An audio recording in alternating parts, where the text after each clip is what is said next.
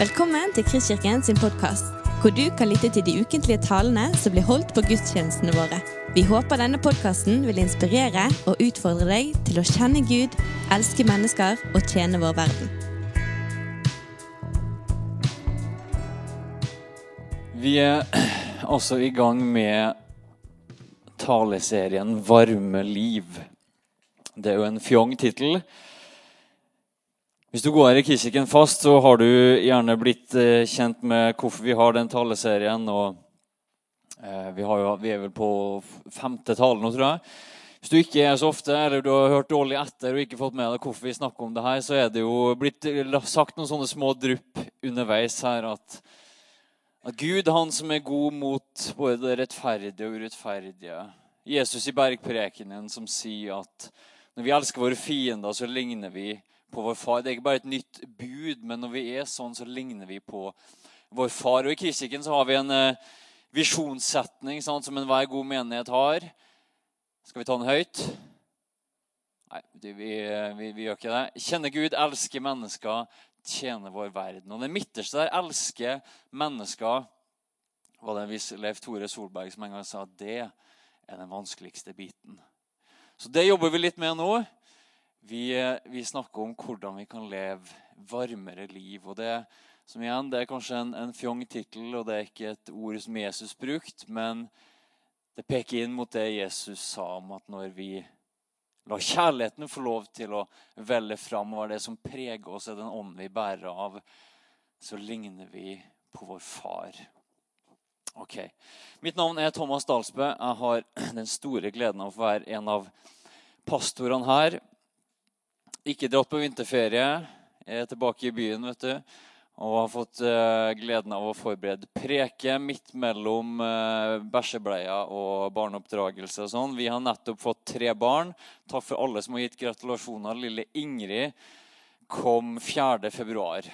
Uh, ja. Så har vi, nå har vi tre unger, og det går i et forrykende tempo hjemme. for å si det sånn.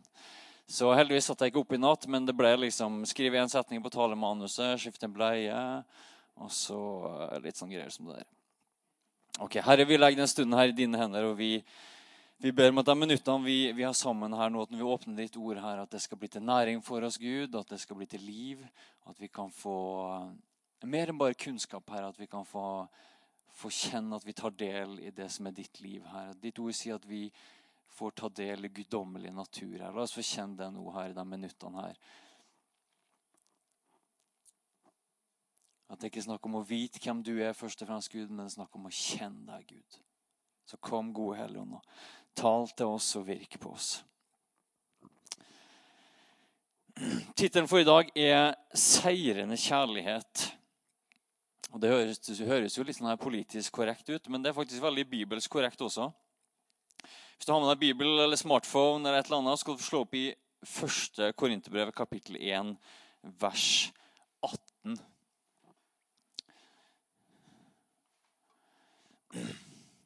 Første Korinterbrev, kapittel 1, vers 18. Nå Skal vi lese noen, noen vers der.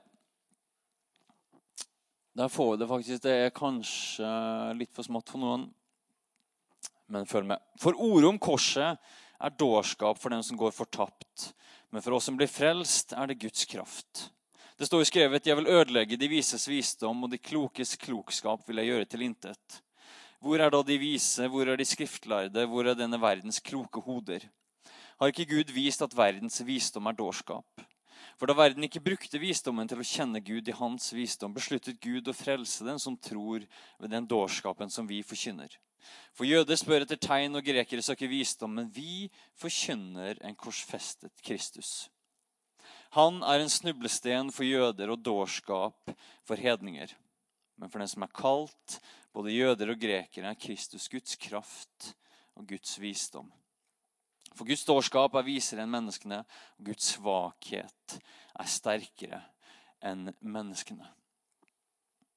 Paulus skriver det her til, eh, til en gjeng i, i Korint. Korint er en uh, mangfoldig by, både etnisk og religiøst. og vi tenker liksom av og til når vi, når vi leser Bibelen, det det at uh, hvis vi bare kunne komme tilbake til den første menighet, der var alt romantisk og fint, der fungerte alt sammen. Der var liksom menighet. Og det er en del riktig med det. Men hvis du leser Korinterbrev, så skjønner du at det er mye som ikke er riktig også med et sånt bilde. Det er ikke så romantisk. Paulus eh, må skrive til en gjeng som er full av splittelse. Noen holder, ved Paul, noen holder ved Paulus, noen holder ved Apollos. Det er partier, det er stridigheter. Og så kommer vi til en seksjon der Paulus prøver å sette fokuset på kjernebudskapen i evangeliet. egentlig, sant? Kristus og han korsfester. Vi har hørt det tusen ganger. Han måtte minne korinterne på at det her det dreier seg om. Ordet om korset. Og så snakker han jo her først og fremst eh, til, til, grekere. Det er mest sannsynlig noen jøder her også, men det er grekere, det er hedninger. Og Så bruker han to begrep som kanskje noen kjenner til, men han sier at ordet om korset at Kristus, vi, vi, vi forkynner Kristus og han korsfesta. Så sier han at det er en dårskap. Det er kanskje ikke et ord du bruker så mye i hverdagen, men det er dumhet. Det er idioti for hedningene eller en snublestein for jødene. I det samme brevet så sier han også at når han kommer til, til korintergjengen, så, så, kommer han ikke med veltalende ord og, og først og fremst visdomslære, som den greske filosofen var så glad i. Og så er det litt sånn artig at han, Når han ja, skriver videre der eh, brevet, så skriver han egentlig veldig retorisk flott. Men uansett. Han, han vil holde helt sentralt på at det vi forkynner På ett nivå så er det egentlig idioti. For vi forkynner Kristus og Han korsfesta.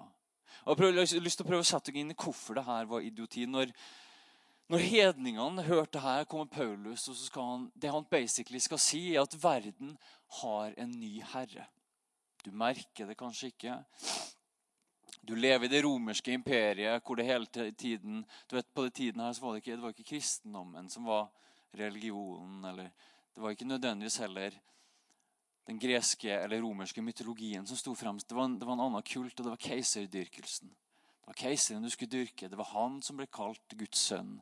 Det var han som ble sagt at han også stamma fra Gud, og at han skulle sitte ved sin fars høyre hånd når han døde osv. Veldig interessante paralleller. Men, men det, det Paulus sier at verden har fått en ny herre. Og så sier han at vi forkynner en korsfesta Kristus. Det han egentlig sier at det døde en mann i en, sånn, i, i en, bakgård av det romerske imperiet. I en utkant i, i en region kalt Judea. Som de fleste som er langt ifra maktens sentrum. Som kanskje noen bare så vidt har hørt om. Der døde det en mann.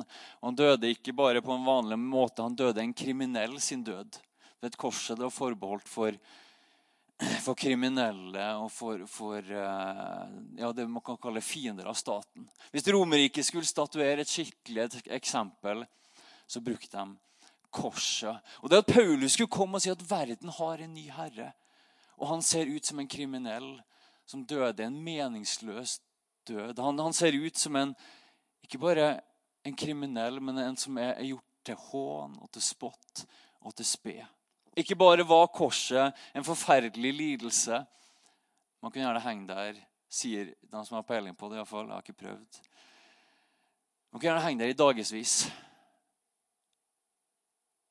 og oppleve en sånn kvelningsfornemmelse med smerter både der naglene var, og andre steder. Helt forsvarsløs når fuglene kom og prøvde å hakke ut øynene. Da kunne man henge i dagevis. Og En ting var den fysiske smerten, men noe annet var også propagandaen i det. At her er det noen som har stått opp imot det romerske imperiet og har tapt. Det var en voldsom propaganda. At Har du havna på korset, så har du tapt. Da er du en fiasko. Du har iallfall ikke seira. Og det her kommer Paulus og sier at Jeg ser for meg noen i, i, blant av grekerne i, i, i Korint. De måtte nesten ha ledd. Vi vet jo at keiseren sitter i Roma. Vi vet jo at det er han som har makt, og at det er han som regjerer. Så kommer du her, og så sier du at, at, at en, en, en villmann, en, en, rebell, en, en, som, en som ble totalt knust av Romerriket i, i utkanten av imperiet, at han er herre. Det er dårskap. Så sier han For jødene så er det ikke bare dårskap, men så er det en snublestein. Igjen, kanskje ikke et ord du bruker så mye, sant? men men hva var det jødene hadde forventa når, når, Messias skulle komme? Jo, Det var jo en som skulle ta, en måte, kong, være en sånn kong David på, på steroider. sant? En sånn hulkversjon av kong David som skulle komme, gjenreise Israel, det politiske Israel. Og så skulle han kaste ut romerne. Israel var jo opp gjennom historien undertrykt av både babylonere og persere. og Nå var romerne her. Og Hvis det var en ting Messias skulle, og, og, og de som forsker på det her, sier jo egentlig at, og, og spesielt rundt påskedag det, det, det, blir veldig interessant. På påskedag skal faktisk jeg få preke da, jeg skal gå mer inn i det her, men de som, de som forsker på det her, sier at vi forstår egentlig ikke hvor mye stemningen rundt Jesus, spesielt i dagene opp mot påske, hvor mye den syder av en sånn forventning av at nå skal kongen komme, og skal han ta sin plass i Jerusalem, og skal han kaste ut romerne. Og så skal han etablere kongeriket på jorden. Skal han, skal han etablere det kongeriket som, som, som David sitt kongerike var et forbilde for. Og så innfrir ikke Jesus i det hele tatt. Han kaster ikke ut en eneste romer. Han slår ikke til en eneste romer. Tvert imot så lar han seg beseire av dem han egentlig skulle kaste ut. Og Så sier Paulus at her er det en snublestein for jødene. For de forventa en sterk Messias. De forventa en Messias, en Jesus som skulle seire. Og så har han jo tapt. De forventa en Messias som skulle litt sånn Astrisk og Obelix, som skulle banke til romerne, få dem ut. Og så lar Messias seg beseire. Det er dårskapen. Det er snublesteinen og Så prøver Paulus å si, så sier han også i den versene her at ja, det er en dårskap. Og Paulus er fullstendig klar over det han, han sier at vi forkynner en korsfesta Kristus. Vi forkynner, Kristus er jo ikke Jesus sitt etternavn. sant du vet det? Jesus, nei, Kristus er jo bare det greske ordet for den salvede. Altså Messias-skikkelsen, kong David. Vi forkynner en korsfesta Kristus. Vi forkynner en konge som, egentlig, som det ser ut som har tapt. Men så sier Paulus at her finner vi Guds visdom og Guds kraft. Du ser på en Messias, en konge som henger på et kors. Der finner du Guds kraft. Der finner du Guds visdom. Verdens visdom, den romerske visdommen, den jødiske visdommen sier jo liksom 'vis styrke'. Beseir ved å dominere. Beseir ved å nedkjempe dine fiender. Og så kommer det en alternativ visdom her som, som, vi, som, vi, som, vi, har i korset. Der Gud beseirer ved å la seg beseire. Eller for å si det, Gud seirer ved å la seg beseire. Og sier Paulus at her, og Det her må jeg si, folk. Altså, vi har hatt, vi, For en stund tilbake så hadde vi en taleserie, 'Ordet om korset'. Noen husker kanskje om det. Jeg tror altså at Jeg, Jeg må si det for min egen del. Det her korset Jeg tror egentlig altså, vi har hele Guds, Guds mysterium der. Og det er egentlig det Paulus sier, at, at vi, vi, prøver kanskje av og til å lete etter Guds kraft i det spektakulære, i det voldsomme, i det som bekjemper våre fiender. Men så sier Paulus at Guds kraft ser egentlig veldig svakt ut. Iallfall på overflaten. Så vet vi at oppstandelsen kommer etterpå, at det er voldsom styrke i det. Men Paulus sier iallfall at, at, at romerne har sin visdom, og jødene har sin visdom, men Gud kommer med en alternativ visdom. Gud er akkurat som at Gud sier at han spiller et annet spill. Han spiller ikke etter reglene dominerer, knuser fiendene dine'. Vis styrke, vis makt. Du, du, vi har alle spilt brettspill med de som ikke følger reglene. Sant? Det er jo forferdelig. Brettspill er jo kun til for én ting. Det er jo å vinne. sant? Og så kommer det noen så bryter han bare reglene. Og så fjerner de hele gleden ved spillet og hele gleden når, når du vant. Og så kommer Gud her, og så kommer og så, og så, og så, Akkurat som at han nekter å spille det spillet, spillet, som vi mennesker har satt opp. Og så kommer han og så sånn, Jeg spiller et helt annet spill. Jeg seirer ved å la meg beseire. Du vet, Noen av alternative visdommen her, det er en seanse i i, i evangeliet når, når uh, mammaen til Jakob og Johannes kommer til Jesus, og så sier hun kan, kan mine to sønner altså to av disiplene til Jesus, kan mine to sønner få sitte ved din høyre og din venstre hånd når du kommer i din herlighet? Vi, ja, for her tenker, liksom, jeg, tenker jeg, ja, ja, Der snakker hun sikkert om himmelen, og sånn, men mora, til, mora til, til, til Jakob og Johannes er jo fullstendig influert av det som alle andre jøder tenker, nemlig at Jesus skal bli konge. Han skal faktisk kaste ut romerne og sette opp sin regjering. Og da vil hun sikre gode kabinettplasser og gode ministerplasser for Jakob og Johannes. Enhver mor sant, kjemper for sine sønner. Hun vil ha dem nært maktens sentrum. Når keiseren ikke lenger regjerer i Jerusalem, men Jesus regjerer, så skal Jakob og Johannes få sitte der ved kongen. Og så sier Jesus, egentlig litt parafrasert, du vet egentlig ikke hva du ber om. Kan du drikke den koppen som jeg skal drikke? Ja, ja, ja, det kan vi. De visste jo ikke hva han svarte ja på. På et vis så sa jo da Jesus ja, du skal få sitte ved siden av min trone. Og så sa han at, men, men den egentlig sa at min trone ser ut som et kors. Og så vet vi i historien at de også led den døden. Og Da ser vi den alternative visdommen til, til Gud. Ok, Vi skal lese ett uh, skriftsted til. Uh, Åpenbaringsboken, uh, kapittel 5, vers 5 og 6. Det er, ikke, for å være helt ærlig, det er ikke ofte jeg preker fra åpenbaringen. for å si det sånn. Nå skal du få et par vers.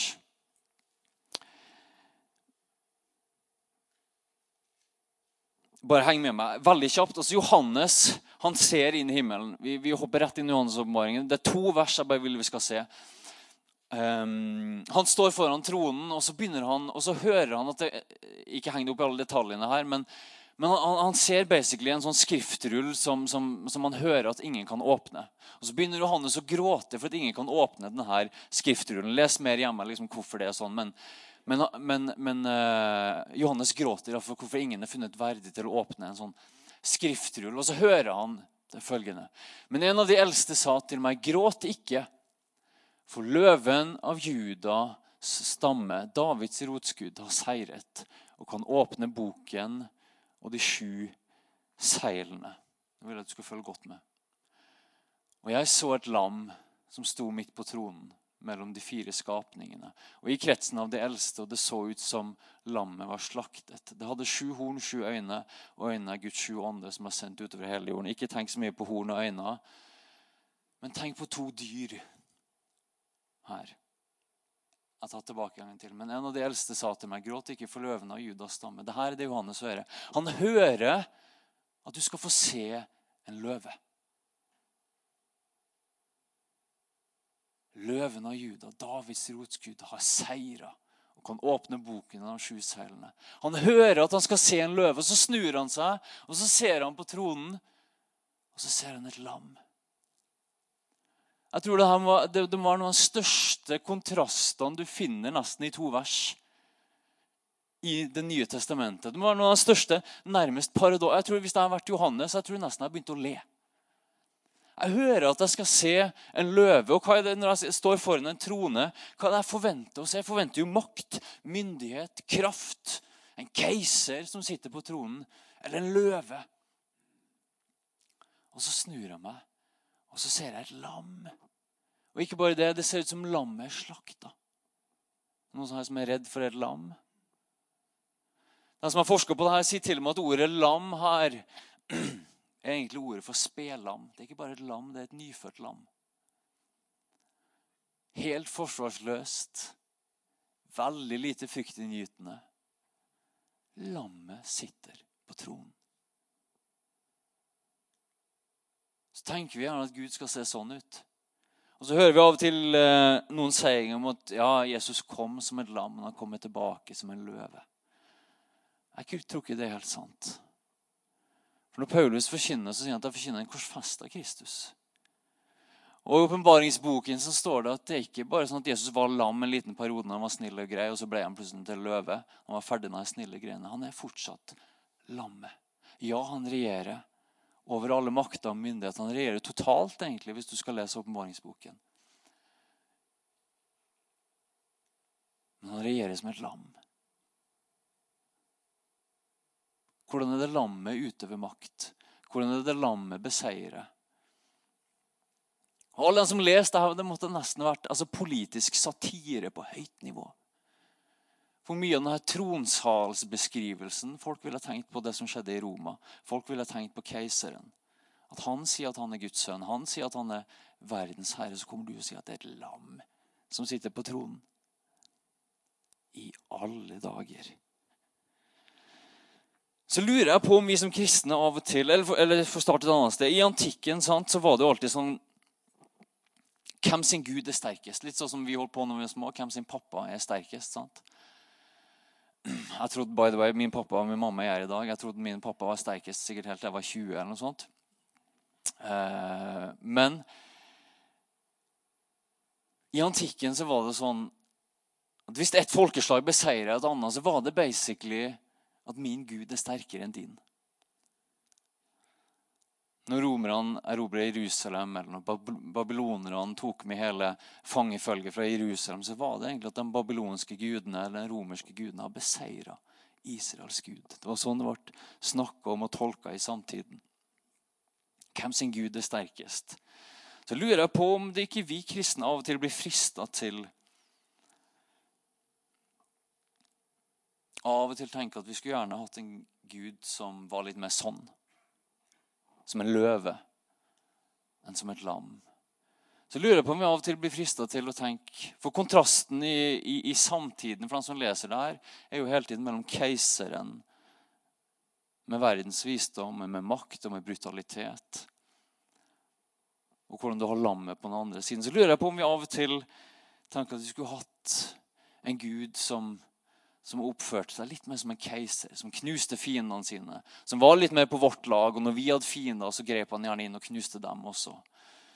Som, som, som, som utøvde litt mer rå makt og eh, dømte folk litt mer for urettferdighet. og Var litt mer en sånn absolutt monark.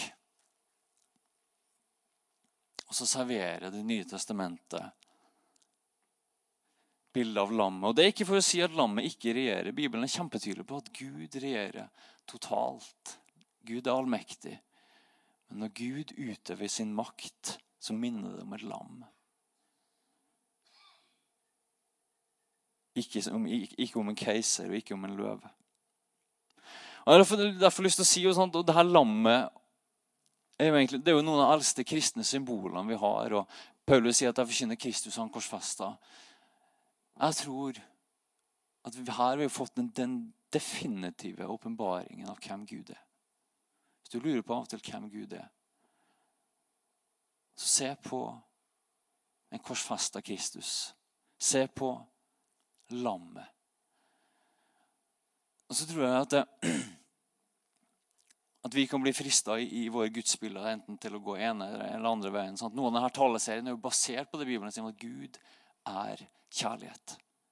Så kan vi bli frista til å på, hele tiden legge på et sånt 'men'. Gud er kjærlighet. Men han er også vrede. Eller 'men', han er også hellig. Og En del ting av det er sant, men, men jeg tror vi skal si at det er veldig sentralt at når Gud gir et bilde av seg sjøl som er det sentrale, en korsfesta Kristus, et lam som sitter på tronen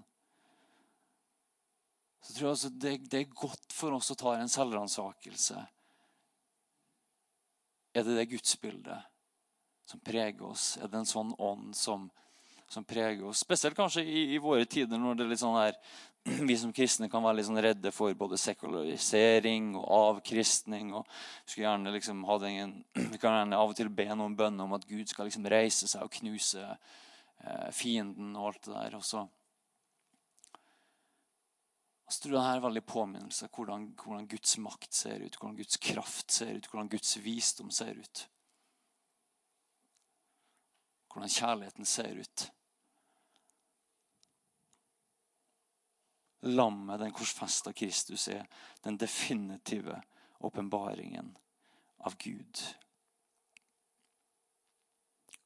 Og litt som den første kristne sa, så følger vi da ikke keiseren, vi følger lammet. Det høres nesten rart ut. Der Kristus er Guds kraft og Guds visdom. Og jeg vet ikke, enten det, er liksom, enten det er i samtale med kollegaene på jobben, og du får lyst liksom, Av og til har vi jo veldig lyst til å vinne en diskusjon. Sant? Vi vil dominere, eller vi tenker på alt det fæle som skjer i landet vårt. og Kan ikke, kan ikke noen bare komme inn og straffe eller dominere?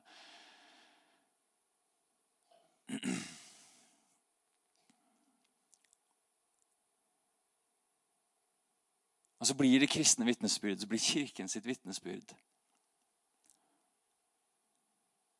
At det finnes noe som seirer, og at det er kjærligheten. Ikke som sånn, som en sånn overfladisk greie, men som en dypt, dypt alvorlig greie. Som, som noe som, som, ser ut som piska kropp og, og blødende kropp. Det er Gud, sånn at du ser det når, når, Jesus vasker føttene til disiplene. Så er egentlig Jesus den mektigste personen i det rommet.